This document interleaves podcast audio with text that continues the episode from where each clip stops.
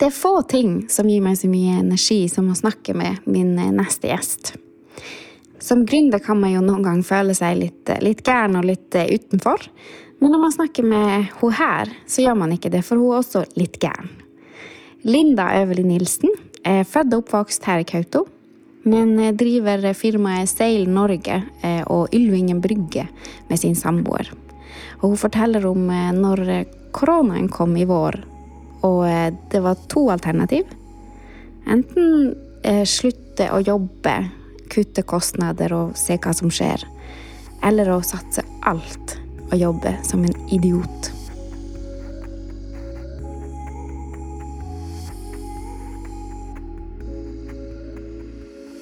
Men det er sånn som nå når jeg, har jeg blitt sånn, gjort obs på at i Oslo så Hvis du skal velge sånn, hvor du skal ha kontor, så kan du enten gå til en startup-lab, eller så går du til en scale-up-lab. Eh, og hvis du er i en startup-fase, så bør du ikke ha kontor på scale-up. Fordi at på scale-up så tar du på en måte, der gir du virkelig gass. Altså det der, der på en måte, Mens en startup, der møter du alle som er i startup. Så det er litt det her hvilken fase man er wow. i også. Ja, Og det, her, det fant jeg ut nå, faktisk. Ja, nå når jeg driver og leter etter kontor nå. Ja.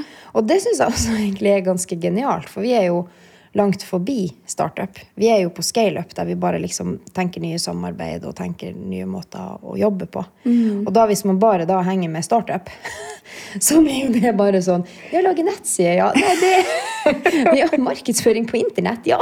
Altså, skjønner du? Da blir man hengende tilbake igjen ja. i det. Og det kan jeg føle veldig mange ganger. At man Å, nå er det et nytt webinar, eller Å, nå er det en ny konferanse. Og man bare Altså, det her har vi hørt så mange ganger nå. at ja. Nei, vi har fortsatt ikke nettside.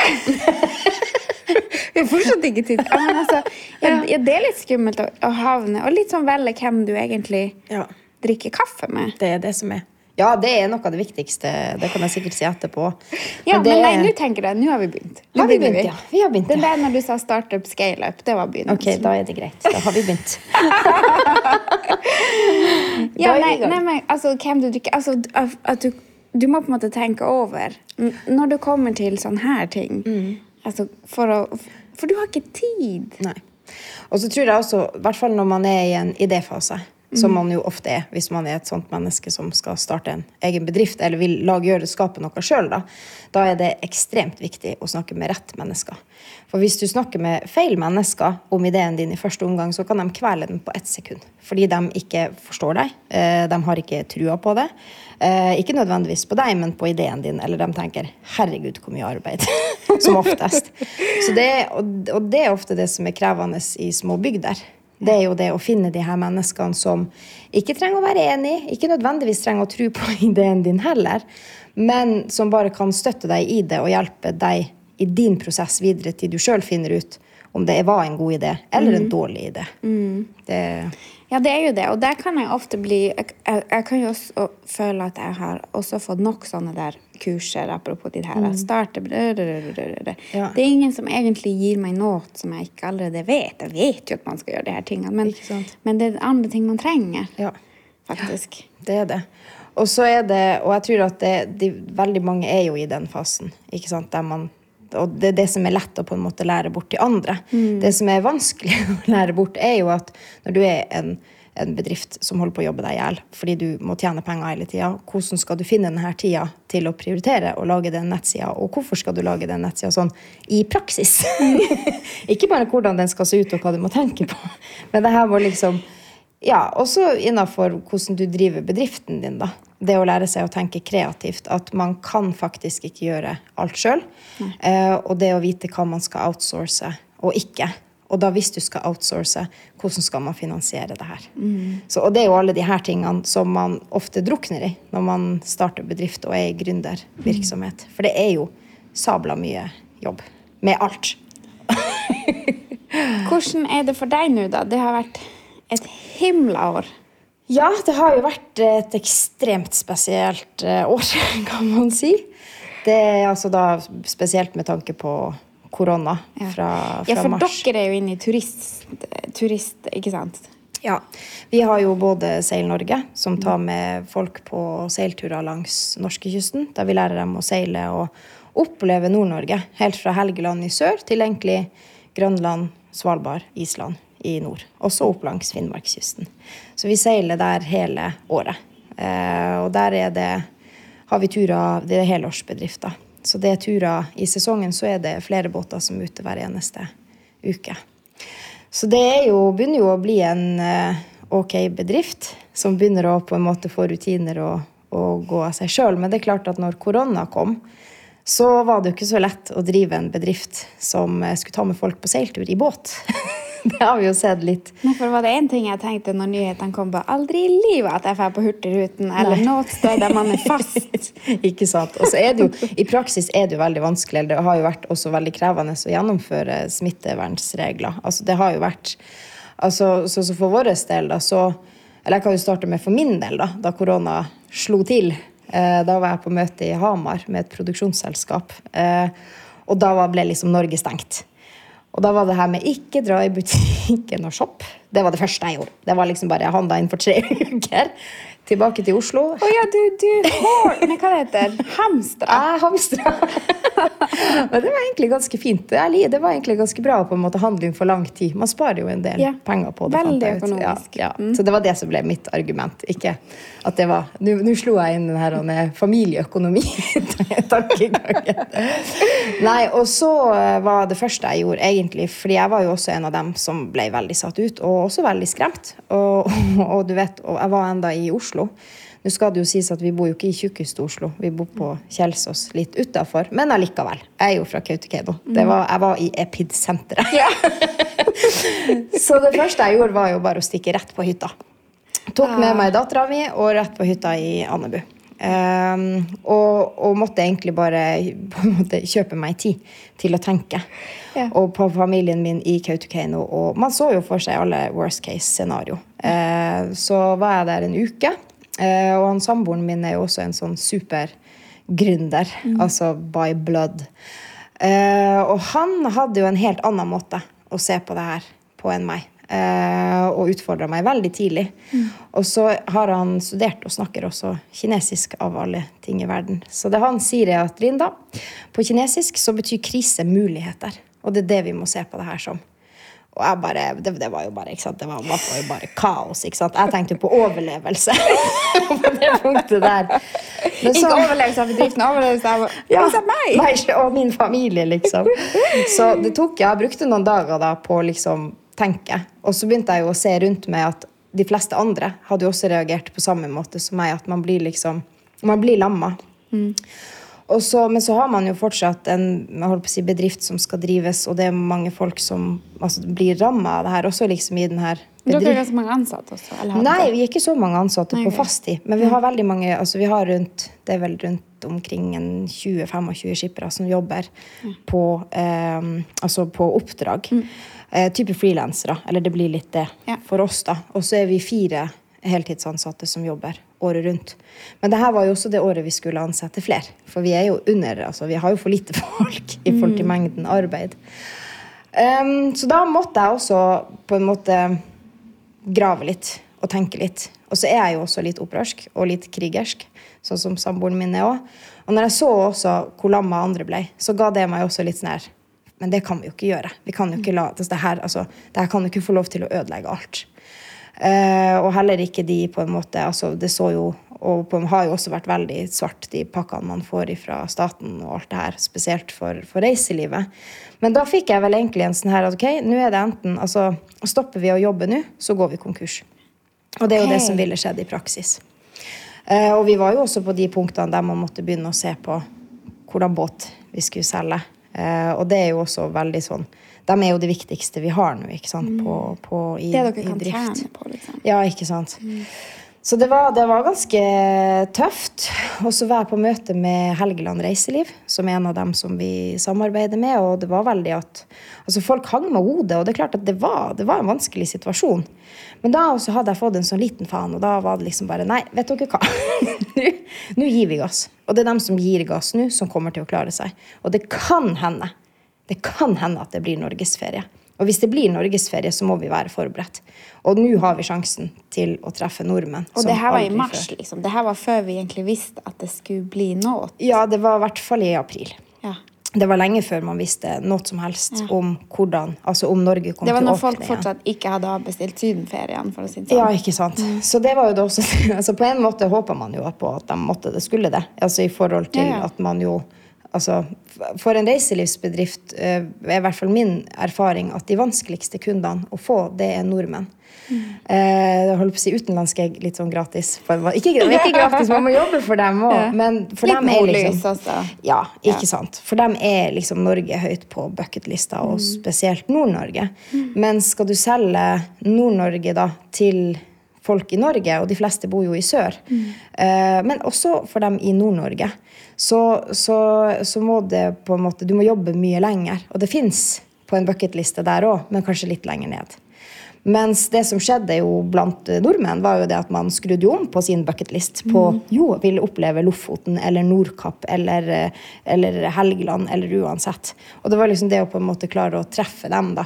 Men, hva, men oi, sorry. Det, det møtet, da. Du sa nei, nå gønner vi på. Hva det vil si? det? At, at dere bare fortsatte å forberede for Ja. sesongen, da? Ja, som aldri før. Eh, Det var å vri om alle markedskampanjer, altså det gjorde vi jo internt, til å bare treffe nordmenn. Skrudde av 95% i utlandet av alle typer kampanjer og markedsføring som gikk ut. Eh, til og med Instagram ble norsk. Denne var Vanligvis hadde den på engelsk. Føles litt sånn rart ut, men det var liksom Litt sånn jeg holdt på å si nasjonalist her, men Um, ja, det var bare å styre alt over på nordmenn og tenke hvor kommer nordmenn til å være nå, og den usikkerheten også alle som skal planlegge sin ferie. Eh, på en måte bare prøve å catche dem på, på hvordan skal vi på en måte eh, Eller hva vil være viktig for nordmenn som skal reise. For folk skal jo ha ferie. Kanskje. Hvis de ikke er tvunget til å være i egen hjemkommune. Men også da, hvis man hadde vært tvunget til å være i egen hjemkommune, hva kan vi på en måte tilby da? I de, på de forskjellige lokasjonene som vi har. På Helgeland, i Lofoten. Altså hva, holdt på å si, hvordan kunne vi liksom løse det? Så det var egentlig bare å forberede seg på alt, men ikke stoppe å jobbe, da. Eh, men å, å holdt på å si eh, forberede. Og det er litt sånn jeg tenker også, dem vi ser som på en måte er, er vinnerne nå da, i, i reiseliv i Norge, i hele Norge, det er dem som virkelig eh, tok seg sammen og greip muligheten som lå der. Så selv om det var skummelt og kjipt, og man visste ikke, så lønner det seg. Og det lønner seg noen gang å på en måte gå type mot strømmen og tørre å prøve.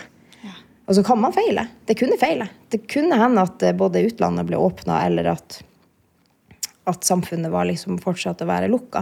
Men da hadde man i hvert fall prøvd. Og det var det viktigste. Man hadde satsa på nåt. Man hadde Ja. liksom ikke Ja. Og jeg tror at det er litt sånn også, kanskje som er litt sånn Altså hadde man vært statlig eller kommunalt eller ansatt der man på en måte ikke føler det her ansvaret, ikke bare for seg sjøl og sin egen økonomi og det man har bygd opp, men også dem som jobber for seg, eh, og den plassen man har i samfunnet, så tror jeg det hadde vært lettere å bare ta det her som en lang ferie. Men jeg, så jeg tror at det er det som også skiller gründere, at det her er ikke bare en jobb, det er en livsstil.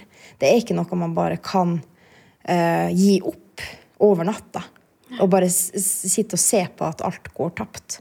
Man er liksom nødt for å ta den der Altså, man kjemper til siste slutt. Det er liksom eh, Ja. Det og, jeg er jo kanskje litt sånn som liker å kjempe, da. Ja, men jeg traff jo deg en kortis eh, før eller etter påske. Mm. Da var vi jo, da var det jo litt, da var det jo veldig uavklart, husker Mm. jeg i hvert fall. Men da, eh, da jobba dere som gærninger. Ja. Da var du vel sikkert også veldig sliten, men, men det var jo tidlig igjen da. Ja. Men, men, eh, Ja. men kjempegløden har du vel egentlig alltid hatt? Det er jo ikke ditt første. Nei, det, de, det er de, si, de prosjektene som er i nå, er jo ikke mine første, nei. Og jeg er jo en av dem som har litt vanskelig for å være ansatt i en plass. Yes, da kan vi snakke om det her med autoriteter og sjefer. Hvilke forhold har du til det? Ja, det burde du nesten spurt samboeren min om. Som også er min sjef. Vi er vel kommet så langt. Han er din sjef, da? Han Ja. som er daglig leder? Han er daglig leder. Og jeg er markedssjef, kan man si. Markedsskipper, som vi kaller det. Så jeg har alt som har med salg og, og først og fremst markedsføring ut. Måten vi løser det på i dag, fordi jeg jo Altså, jo, jeg kan bli leda. Men jeg har jo mye egne meninger òg. Eh, og jeg har nok ofte en annen måte å jobbe på eh, enn en det kanskje Jeg er jo ikke noe åtte til fire-menneske. Og ikke nødvendigvis sitte på samme plass hver dag og liksom gjøre det samme. Jeg trenger litt variasjon, eh, kan man si. Så måten vi løser det i dag, da, er jo det at vi, vi snakker sammen om de tingene vi må, men vi kjenner jo hverandre veldig godt òg. Altså, vi har jo holdt på med det her nå i ja, altså i mange år, da. Eh, så det er jo noe med det også. At man trenger ikke å snakke så mye sammen lenger. Eh, og så har jeg egentlig mitt område, og så stoler han bare egentlig veldig på at, at jeg får gjort det jeg skal. og så er det litt sånn, jeg kan jo ikke fortelle heller alt det jeg gjør, eller tenker på. For det blir veldig stressende for, eh, for de andre. For ditt hode, det slutter egentlig ikke å rulle? Jo da. Det oh. Å ja da, det slutter helt noen gang. Ja, ja, ja, man blir jo, ja, også, man blir jo sliten, og man blir jo møkkalei. Eh, og, og sånn som nå også, nå har det jo også vært altså Det har jo vært perioder i det her og der man stiller store spørsmål til måten vi lever på. Og vi lever jo også på en ganske ekstrem måte, vil jo mange andre si, da. Hvordan ser det ut, da? Ja, nu, akkurat nå er det jo mer stabilt enn noen gang, egentlig. Men eh, vi har jo barnehageplass i Oslo. eh, og det er jo første siste året vi har kunnet sagt at vi egentlig bor der. Så har vi jo livet på tre år. Men så er det jo det når vi på en måte jobber langs hele nordnorskkysten. Eh, og og nå har vi jo også himmelblå på, på Ylvingen. Og så har jeg jo på en måte hjertet mitt i Finnmark. så var det jo ganske splitta. Så vi er jo ganske nomadiske og er jo ja, eh, Før livet ble født, så var det sjelden det hadde vært mer enn to-tre uker på samme plass i løpet av et år. Så eh, Og det er noe Det er jo slitsomt, det òg. Men, men man venner seg jo til alt. Så Barnehageplass, rutiner. ja, rutiner. Ok, men La oss hoppe tilbake litt til sommeren. Og Hvordan ble sommeren da for dere? Jo, eh, for i Norge så gikk det heldigvis eh, bra. Eh, det har eh, Altså, det her var egentlig det året vi skulle ha en enorm vekst. Eh, så vi tapte jo alt i hele vårsesongen først. Så vi har jo enorme tap, store tap, i forhold til at det skulle bli et rekordår. Men så klarte vi i sommer da å gjennomføre alle turer. Uh, selvfølgelig med redusert antall mennesker, fordi at man måtte forholde seg til smittevern. Men det viktigste ble egentlig bare å gjennomføre det, og ikke stoppe. Uh, men, det, men, det, men det er også litt sånn Ja, nå er det Altså, man, man blir blir ganske sliten av det. Av, av den her han er- usikkerheten hele tida på alt. Får skipperen korona, eller noen av gjestene våre korona. Altså alt det her hele tida, liksom. Den der, det, det er jo på en måte Du vet aldri, men så må du hele tida forberede deg på at det går bra. Men så vet du ikke. Og så på en måte må du ha alle scenarioene hele tida. tida da. Og klare å roe deg sjøl ned? Ja. Ja. Eh, så, men heldigvis da, så er jo det her også et selskap som nå har vært det her er jo, Vi hadde jo, skulle egentlig ha et stort tiårsjubileum nå i år. Eh, som ikke ble riktig så stort. så det er jo, begynner jo å bli mye rutiner da, og folk vet. Og vi hadde også veldig mange altså, av dem vi jobber sammen med, som, som ikke heller altså, Man må nesten ha den innstillinga om å ville prøve der og gjøre det her også. Fordi at uh, dem som er skippere for oss, kunne jo også sagt at men vi vil ikke nå pga. smittefare og pga. situasjonen verden er i. Men de gjorde ikke det, og vi har også fått mange nye skippere fra de bedriftene som dessverre ikke eh, ville fortsette i, i løpet av denne perioden. Så det har, eh, altså alt i alt har det jo gått veldig bra. Men den her Ylvingen Ja. Himmelblå. Der også, det, og den ligger jo på Helgelandskysten. Så der også Det var ikke lite folk i sommer på Helgeland. Det har vi sett, sett bilder av. Ja, Vi hadde et sånn evalueringsmøte nå med Helgeland reiseliv. og Da eh, skal jeg ikke ta de her tallene helt for sikker, men jeg mener det ble sagt at det var på, altså på Vega verdensarvsenter, som er naboøya vår, der var det 30 000 besøkende.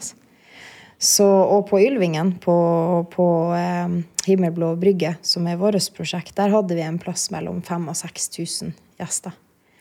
Så, men det var jo Ja, det er, altså, det er jo Det er klart at det er krevende. Eh, og også når man ikke på en måte eh, har mulighet til å være forberedt på de her mengdene med folk, fordi at det fins ikke folk. Eh, og folk jobber dugnad også i tillegg. Så blir det liksom, så det har vært, har vært et eventyr, eh, på godt og vondt. Men jeg tror det blir litt sånn Jeg tror man kan- ganske nært kan sammenligne det, altså det Uansett hva man på en måte gründer i, men litt med holdt på å si, reindrift og bønder, og på en måte, for det er litt av det samme. Det er på en måte det her med at det er ikke, det er ikke jobb, det er en livsstil. Og det er liksom ikke jobb-jobb. Det er på en måte en del av hverdagen. Altså, Jeg har veldig mange som bare har syntes at eh, de månedene i våres var helt fantastiske. Og de har hatt så mye tid med familien og rydda boden. Og bare Fint!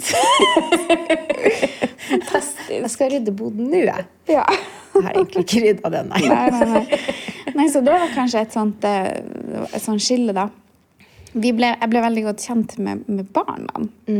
Det var artig, men, eh, men det er klart det var deilig å komme tilbake. Og siden da så har det vært sånn OK, hva har vi på agendaen? Vi må bare filme så mye som mulig før det her nå stenges ned igjen. Ja. Må, for da må vi ha materiale å sitte og jobbe med. Ja, ja. Så, så Nei da. Men, men gründerlivsstilen og det der at det er noen ting du Det er ikke bare en jobb, men det er også den der at du skaper ditt eget levebrød. virkelig. Og gjør du ingenting, så kommer det ikke noe levebrød. Ikke sant. Og det er en annen måte å jobbe på. Eller en annen måte å leve på. Det er litt mer hands on. Ja. Eh, Du kan ikke på en måte, du er ikke trygg noen gang, egentlig. Um, Men det er jo en mestring med Ja. det også. Og så, men jeg skulle bare si noe av det jeg tror som jeg har lært mest om korona, da, er jo ofte Og det er litt sånn det du sier, at nå filmer dere bare mest mulig. Kanskje dere filmer mer på en måned enn det dere ville gjort på et halvt år. ikke sant? Og det tror jeg veldig mange bedrifter har eh, erfart. Og altså både fra små til store. At man trenger ikke å bruke så sabla lang tid på å vurdere om man skal gjøre det. For det er faktisk bare å gjøre det. Eh, og sånn har jo vi også gjort veldig mye. Og det har vært en ordentlig befrielse. Å slippe den her Anne. Og ikke trenger ikke å snakke med så veldig mange heller. Det er bare, nå gjør vi det, Ja, ja, gjør vi det. Ikke så mange møter, Nei. ikke så mange tid på møter. Altså Nei. ikke så lange møter. Ikke sant? Eh. Og så, ja, det kan jeg også si. Det litt i forhold til at jeg jobber jo med samboeren min nå. Det her med hjemmekontor eller ikke. Jeg har jo som sagt vært en sånn som ikke nødvendigvis liker den her vanlige A4, sitter på kontor. Mens eh, han har hatt en tanke om at det er viktig for å bygge et arbeidsmiljø.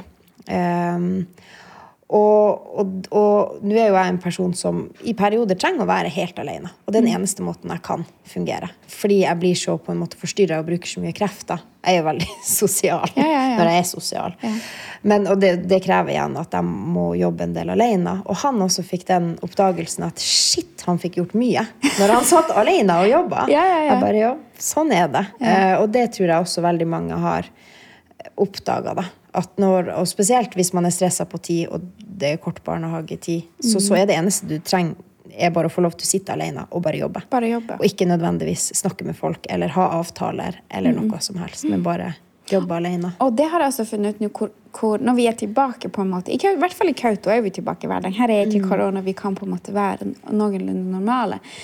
Men å, man blir så sliten av møter. Ja, det er tungt. Det er tungt. Altså, man bruker mye krefter, og jeg tror at de aller fleste har for mye møter. Og snakker for mye med andre folk.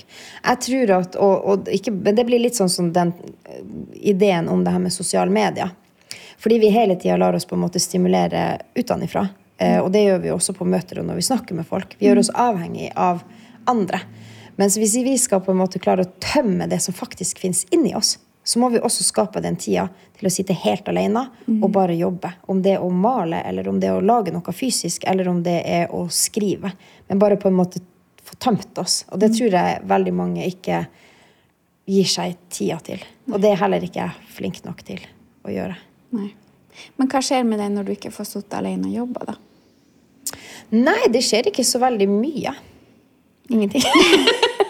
Nei, jeg blir eh, i perioder der jeg, hvis jeg trenger å sitte alene, og jeg er tvunget til å være i en situasjon der jeg må være med, så, så blir jeg jo egentlig bare mer sliten og mindre effektiv. Fordi at jeg bruker kreftene mine på å håndtere en sosial situasjon, eh, og ikke på å produsere det jeg egentlig skal gjøre, da. Ja.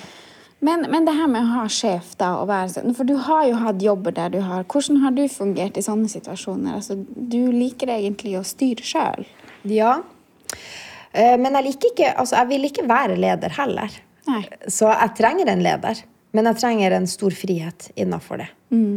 Um, og også hvis jeg nå starter opp min egen helt nye bedrift. Ja, kanskje i dag kunne jeg vært leder, men ikke tidligere. Da jeg starta min første bedrift, så var jo det også det første jeg ville ansatte. Det var jo min egen sjef.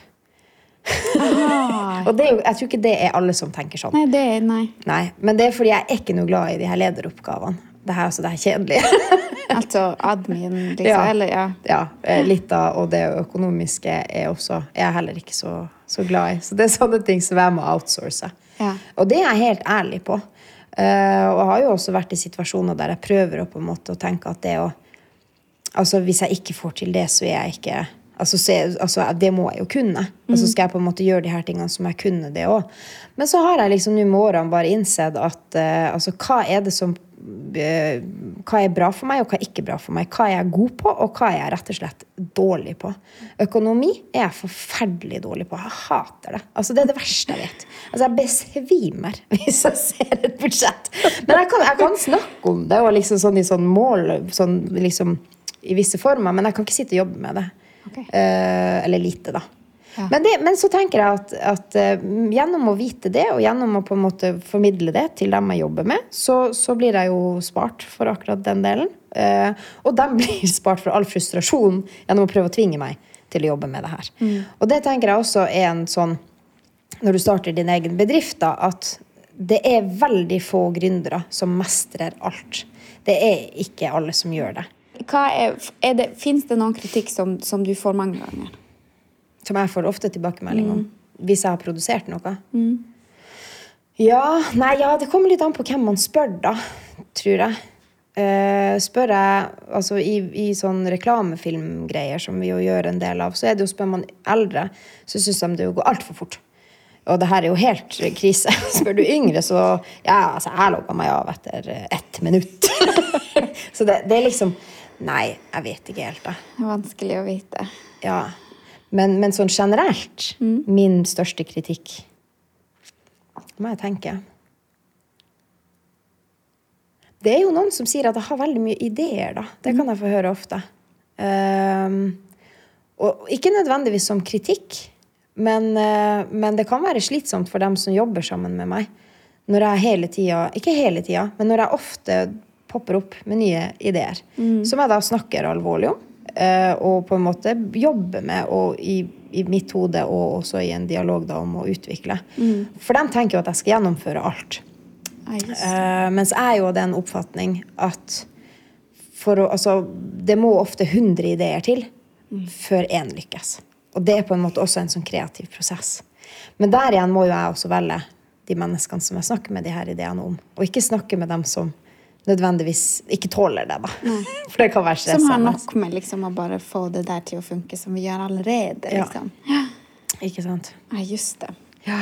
Ja, ja, men det er jo noen ting, det er jo noen ting, liksom. Jeg tror jeg kan være en sånn som kan, eh, som er så overveldet av arbeid at jeg kan fort sånn, ja, men nå må vi først gjøre det her. Ja. Fokus på gjennomføring her. Ja, litt sånn. Men hva du tror da, eksempel i Nord-Norge, hva du tror, når det ikke går, når det ikke funker, hva du tror er en vanlig feil? I Nord-Norge. Så spesielt for Nord-Norge og ikke andre plasser. Ja, eller jeg tenker at det, det er det her vi kjenner i hvert fall. For, eller mye for at her finnes så mye potensiale. Ja, Du jobber med reiseliv, ikke sant? Her er jo Ja, det, jeg, jeg blir ofte jeg, jeg kjenner ofte på mye frustrasjon. Og spesielt kanskje i Finnmark nå. Og spesielt nå når jeg jobber så mye med Helgeland og Lofoten. Eh, og nå vet jeg jo ingenting om, eh, om hvordan det egentlig går her oppe, for jeg har ikke kapasitet til å liksom følge så godt med. Men jeg ser jo et enormt potensial her, og det har jo bestandig vært der. ikke sant? Og, og nå snakker ikke jeg om masseturisme, sånn som Tromsø har altså Det er jo helt krise, Tromsø sentrum f.eks. Jeg snakker ikke om den typen, for vi velger jo hele tida antall eh, gjester vi vil ha hit, og hvem de skal være. Så jeg snakker ikke om masseturisme. Men, men det her må ja, få det til helårs, da. For det tenker jeg at Finnmark har. Finnmark har et så enormt potensial i, i helårs. Også i det her som vi kanskje nå kan oppleve liksom som en trist årstid. Sånn som nå kommer jeg opp fra fra Oslo her oppe på høstferie. Og, og det er så deilig å komme opp, og det er, liksom, og det er under ti grader. Det er relativt varmt. Men det er de her kontrastene, da. Um, Vi ser jo ikke dem kanskje alltid heller. Nei. Jeg tror man, man blir nok ofte litt uh, blinda. Og så tror jeg at man kanskje legger litt for mye i det i forhold til at nei, men folk, folk vil jo ikke komme hit. Så jeg tror man må gjøre den veien mye kortere. Um, men det er ikke lett på de plassene man sjøl bor. Og så, men det andre så tenker jeg at Vi snakker om denne janteloven, men den er virkelig gjeldende over hele Norge. Hvordan Men- mener du det? Nei, at det er Altså Hvis man er en person som vil starte noe, så er man veldig sårbar. Fordi at man eksponerer seg på en måte og skal lage noe som man ønsker at andre skal ville like og kjøpe. Om det er film, eller om det er reiseliv, eller hva. Og, og da er man veldig sånn sårbar overfor hva bygda sier, eller hva kommunen sier, eh, og hvordan liksom feedback man får. Og, og, ehm, og jeg tror egentlig at det ligger aller mest i oss sjøl. Jeg tror ikke nødvendigvis at samfunnet og folk rundt er så negative. Og, og hvis noen er det, så kan det være en av hundre. Men det er jo selvfølgelig den man hører på. ikke sant? Det er den man legger merke til. Så, så det tror jeg at den janteloven som er i oss, og det at man på en måte ikke tør å gjøre det, ikke tør å eksponere seg sjøl på den måten, men også ta den sjansen som det er i livet. da. Altså, for det er jo en sabla stor jobb. Det er jo en eh, du Altså, det er jo som sagt et valg av en annerledes livsstil. I, hvert fall i periodevis, da. Så um, Ja, og der tror jeg jo at det er veldig viktig å eh, tro på seg sjøl. Og hvis ikke man tror på seg sjøl, så skal ha jo ingen andre noen grunn til å tro på deg heller. Ja, det er rett og slett det. Man må gi faen, for man vil møte motgang. Ja. Og man, alle, altså jeg tenker også, eller min opplevelse også, at det er få som også har forstått til og med det vi gjør i Seil Norge, f.eks. Altså Innovasjon Norge forsto jo ikke det i sin tid, da Emil søkte sin første. Det her med seilturisme i Nord-Norge var jo helt fjernt for dem, ikke sant. Men han ga seg jo ikke der. Uh, og det er liksom Ja, så man må, man må bare våge å tro på seg sjøl og gi faen. Og så bare peise på, rett og slett. Prøve. Hvor du har fått den her eh, fighten, fighting spirit fra, tror du? Ja, det er vel Kautokeino, da. ja, altså jo, det var, det var litt tull, men ikke helt tull. Nei? jo, jeg, jeg tror, tror det er litt herifra òg. Eller jeg tror ikke. Jeg vet det er veldig mye her som har gjort at man Altså Her er man jo vant til å krige. Man må krige for alt. Både, fordi, både innenfor det samiske og kulturmessig, men også det distriktet og på en måte alt det her. Det, man kan ikke ta ingenting for gitt her. Så der tror jeg at jeg har litt. Um, men også i min familie da, så har vi jo også flere. Altså Jeg er jo vokst opp i familiebedrifter. Mm. Så, så, og der også har det jo vært mange kamper. Altså det er jo på en måte Det er jo et altså, offer på en Man gjør mange offer, da. Som, som andre kanskje ikke trenger å gjøre på samme måte. Men um, ja, nei, men jeg tror altså at det er Finnmark. Her tar vi ingenting for gitt. Og ikke Kautokeino heller. Nei. Hva du tenker om, om Seil Norge og Ylvingen? Hva slags Bilder. Ja, altså om 40 år. Oi, oi, oi. Altså, da er jo i hvert fall Seil Norge det mest bærekraftige uh, selskapet vi har i Norge. Og den beste måten å reise på, med seilbåt. Uh, selvfølgelig. For seil. Og alt er jo selvfølgelig uh, holdt på å si bærekraftig. Alt. Om 40, 40 år er lenge, altså. Du ser på lenge. Herregud. Nei, jeg tror jeg gjør noe helt annet om 40 år. Ja, ja, ja. Kanskje. OK, ti år. Ok, om ti år. Ja, det er fortsatt det samme, da. Om ti år så tror jeg Seil Norge Uh, en av de mest bærekraftige selskapene i Norge.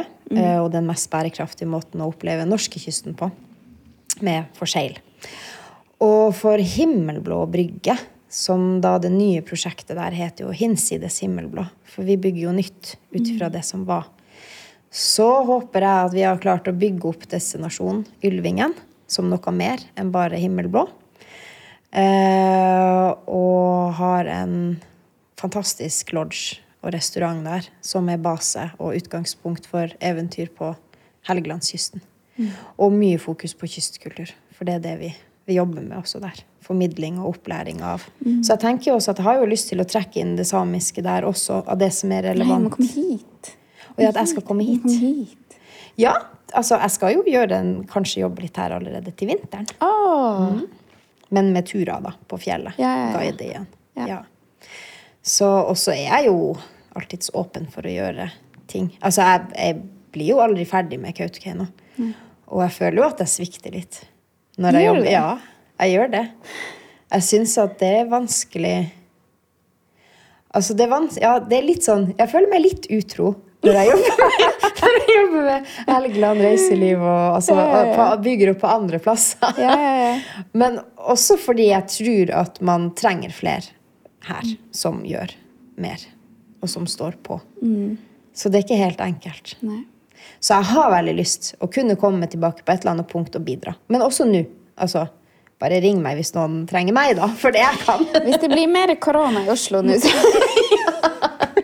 så kommer du med handlesekkene Ikke og drar til fjells. Absolutt. Eller bare til Kautokeino er jo nok. Det er nok, ja. Ja. Oh, ok. Ja, men tusen hjertelig takk for at du Ja. tok deg tid til det her. Du, bare hyggelig. det var faktisk det her med Altså når man på en måte har altså en livsstil som entreprenør eller gründer da, og har starta sitt eget, så, så er det jo ikke alle heller som blir rike av det. Noen blir jo veldig rik. Altså hvis Altså, noen blir det. Vi er jo ikke i den de bransjene der man blir veldig rik. Uh, så vi, vi er jo ganske fattige sjøl. Uh, eller ikke fattige, men jo litt. Altså, Man er ikke rik, liksom. Nei, absolutt ikke rik. Men så er det det her med at når det er en livsstil, så får vi igjen veldig mange fantastiske opplevelser. Uh, som vi jo ikke ville kunne fått hvis vi ikke skapte dem sjøl. Så det er noe med det. Og det å på en måte, når du har Når du velger din egen arbeidsdag, så, så får man jo gjøre akkurat det man har lyst til. Eh, alt vil man jo ikke nødvendigvis. Programmet oli Elisa Marie Kristensen, tekniker Per-Josef Idivuoma ja tämän ies-podda le Forest People fitnoat puhtetan outos fitnoaga outas.